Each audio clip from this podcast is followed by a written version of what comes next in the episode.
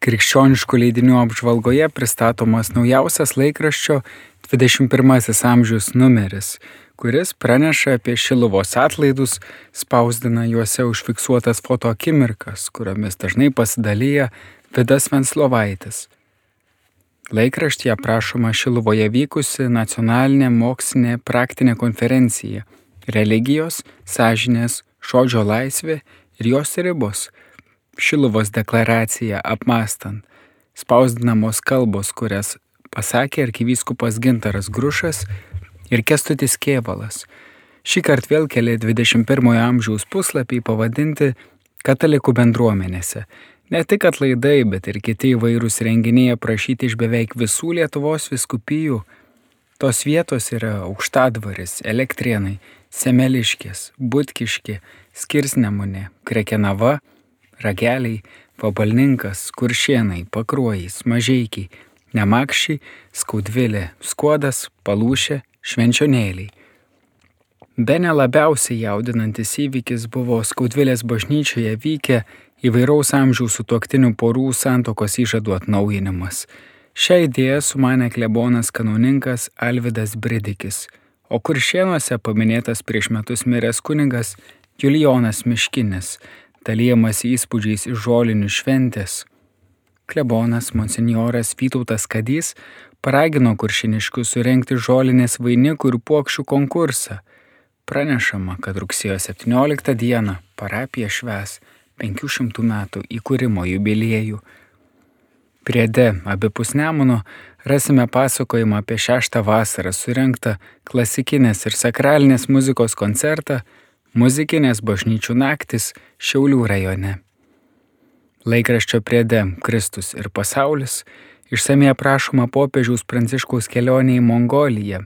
Nemažai vietos skiriama Romoje vykusiam Ukrainos rytų apieigų katalikų bažnyčios sinodui, supažindinama su jo dalyvių susitikimu su popiežiumi Pranciškumi ir kardinolu Pietru Parolinu. O rugsėjo 10-ąją visi rinkosi Šventojo Petro bazilikoje Vatikane kur Kyivo ir Haličio didysis arkivyskupas Svetoslavas Ševčiukas vadovavo šventosioms mišioms, dalyvaujant apie pustrečio tūkstančio Ukrainos katalikų. Išėjo ir laikraštis Katalikas, jame rasime žiniai Žemaičių kalvarijos, kurioje pranešama, kad po tradicinių mažųjų atlaidų švenčiamų kiekvieno mėnesio antrą dieną Telšių vyskupas Algirdas Jurevičius, kunigai ir maldininkai atėjo pasimelsti prie pernai mirusio vyskupo Jono Borutos kapo. Čia pašventintas iš žemaitiško akmens nukaltas paminklas, jo autorius Mendaugas Jankauskas. Kiekviename katalikės spausdinamuose pamokslėliuose apie išpažinti buvęs tverų klebonas kuningas Jonas Paliukas šį kartą kalba apie pamaldžiuosius žmonės. Kadangi tokių vyrų mes beveik nesutinkame, o bažnyčiose ir šiokedieniais ir šventomis dienomis matome beveik vien moteris, todėl reikia kalbėti apie jas.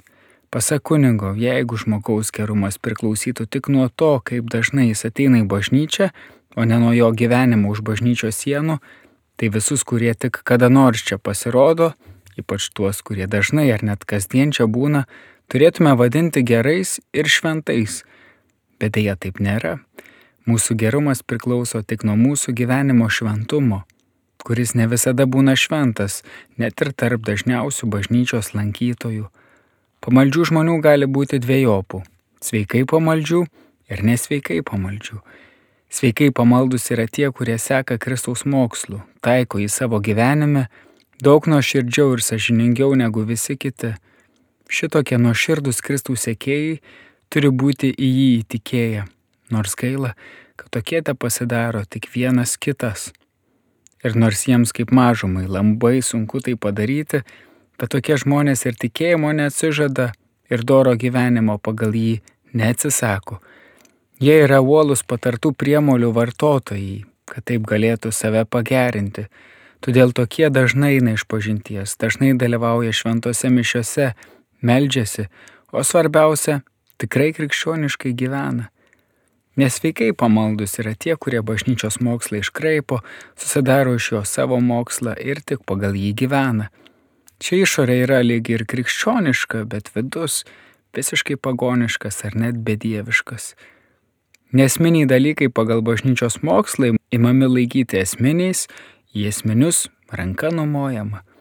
Dėl to žinoma gali nutikti ne tik negerai, bet ir labai blogai, nes tokie asmenys pradeda patys savo vadovauti gyvendami nekrikščionišką gyvenimą krikščioniškojo vardu. Katalikė dalymas įspūdžiais apie kryžių kalno koplyčioje Šiaulių vyskupo Eugenijaus Bartulio ir kunigų pranciškonų aukotas šventasias mišes bei sakralinės muzikos koncertą paminint popiežiaus Šventojo Jono Pauliaus antrojo apsilankymą šioje vietoje prieš 30 metų. Be to surinkta fotoparoda, kurioje užfiksuoti popiežiaus apsilankimo kryžių kalne momentai. Laikraščio 21 amžius apžvalga parengė laikraščio redakcija. Išėjo žurnalas Artuma. Rugsėjo Artuma apie kunigiškojo pašaukimo paieškų džiaugsmą ir skausmą. Apie tai atvirai ir drąsiai rugsėjo Artumoje kalba įpusėję savo kelią seminaristai ir jau patyrę jų ugdytojai kunigai. Jie patys klausė, ką rengia seminarijos kunigus vienuoliniam gyvenimui ar ganytojus gyvenančius šiandienos pasaulyje. Tad kas vyrus paskatina rinktis kunigystę?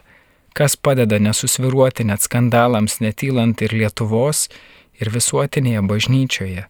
Dovanai gavote, dovanai duokite, primena kunigams popiežius Pranciškus, už ką jis dėkoja jiems ir dėl kokių pavojų įspėja, kodėl prarandamas uolumas tarnauti ir troškimas rūpinti žmonėmis.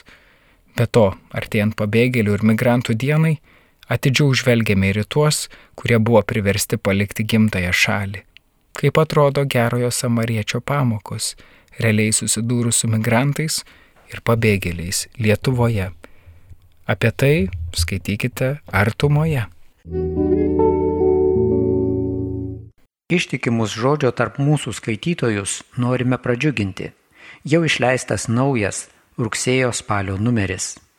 Rudeninio žurnalo numerio straipsneliuose gvildename reiklius Jėzaus žodžius - turiu, reikia. Ar gali būti Jėzus įpareigotas? Negi jis nėra laisvas daryti, ką panorėjęs. Kodėl Jėzus sakė, man reikia būti savo tėvo reikaluose? Ir ką šie jo žodžiai reiškia mums? Ar ir mums reikia pasinerti į Jėzaus ir mūsų tėvo reikalus? Dar viena žodžio tarp mūsų tema - Jėzaus prisilietimai. Jėzus gyveno tarp žmonių, dažnai būdavo supamas minios. Žmonės troško jo artumo. Ir jis juos liesdavo, gydydamas, drąsindamas, skatindamas įsitikinti ir įtikėti. Kaip Jėzus liečia mus šiandien? kokią žinę perteikia Jėzaus prisilietimai. Apie visą tai skaitykite žodžio tarp mūsų rugsėjo spalio numeryje. Be straipsnių jame rasite ir kasdienės meditacijas pagal tos dienos liturginius skaitinius. Vilėmės, kad jos padės į save, kitus ir pasaulį žvelgti Dievo akimis, savo širdies tvinksnius suderinti su Dievo dvasios plasdėsiu. Žodžio tarp mūsų ieškokite katalikų knyginuose ir savo parapijose. Paraginkime Dievo žodį skaityti bei jį apmastyti ir savo draugus ar kaimynus. Rugsėjo mėnesio maldinėlio Magnifikat pristatymas. Maldinėlio įžangoje kunigas brolis Mišelis de Melenar primenama, kuo svarbus pirmasis rudens mėno Rugsėjo pradžia paprastai sutampa su Luko Evangelijos ciklo pradžia. Šiokiadieniais per žodžio liturgiją mišių metu bus skaitoma ši trečioji Evangelija ir lydės mus iki pat eilinio laiko pabaigos. Vadinasi, rugsėjas žymė naują pradžią sekimo Kristumi kelyje. Per šventojo Luko pasakojimą seksime paskui jį iš Nazareto sinagogos į Jeruzalę. Toks yra tikėjimo dėsnis. Dievas mus nuolat atveda į naujas pradžias ir tik tai yra tikros dvasinės pažangos garantas. Žinant, kaip mes, bažnyčia ir visas pasaulis, esame reikalingi atsinaujinimo, nauja pradžia sėkiu skamba tarsi sugrįžimas į centrą, kaip tai aprašo teologas Hansas Ursas von Baltasaras. Visa, kas bažnyčios istorijoje verta vadintis reforma, visada buvo aktyvus ir veiksmingas raginimas grįžti iš periferijos į centrą. centras yra Kristus ir visas šventasis raštas kalba tik apie jį. Tačiau naujoji rugsėjo pradžia nėra vien liturginė. Daugelį mūsų jį reiškia sugrįžimą į kasdienį darbo ritmą, po vasaros polis ir atostogų, o liturgijos siūloma nauja pradžia iš tiesų yra dvasinis kvietimas savo kasdienybėje vėl leistis į gyvenimą su Jėzumi, kuris savo evangelinę tarnystę pradeda grįždamas į Nazaretą savo gimtinę. Esame raginami vėl keliauti su viešpačiu, pasimti į savo kasdienius rūpešius ir darbus.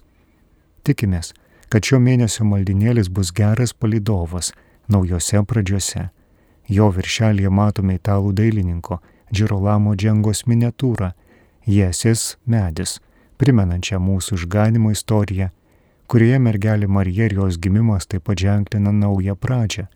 Išsamei šį meno kūrinį pristato menotyrininkė Jolanta Stupelytė.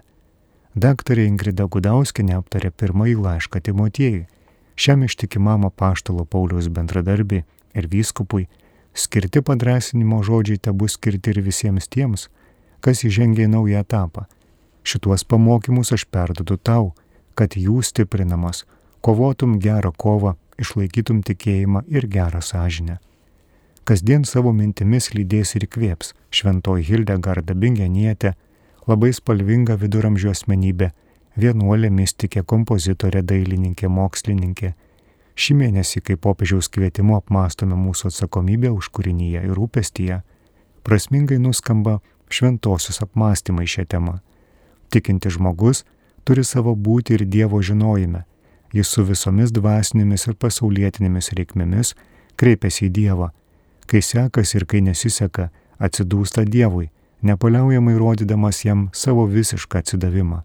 Mat kaip žmogus savo kūniškomis akimis visur mato kūrinius, taip jis tikėjimu visur regi Dievą ir atpažįsta jį per kūrinius, nes išvelgia, jog jis yra jų kūrėjas. Apžvalga parengė Magnificat redakcija perskaitė Andrius Sakalauskas.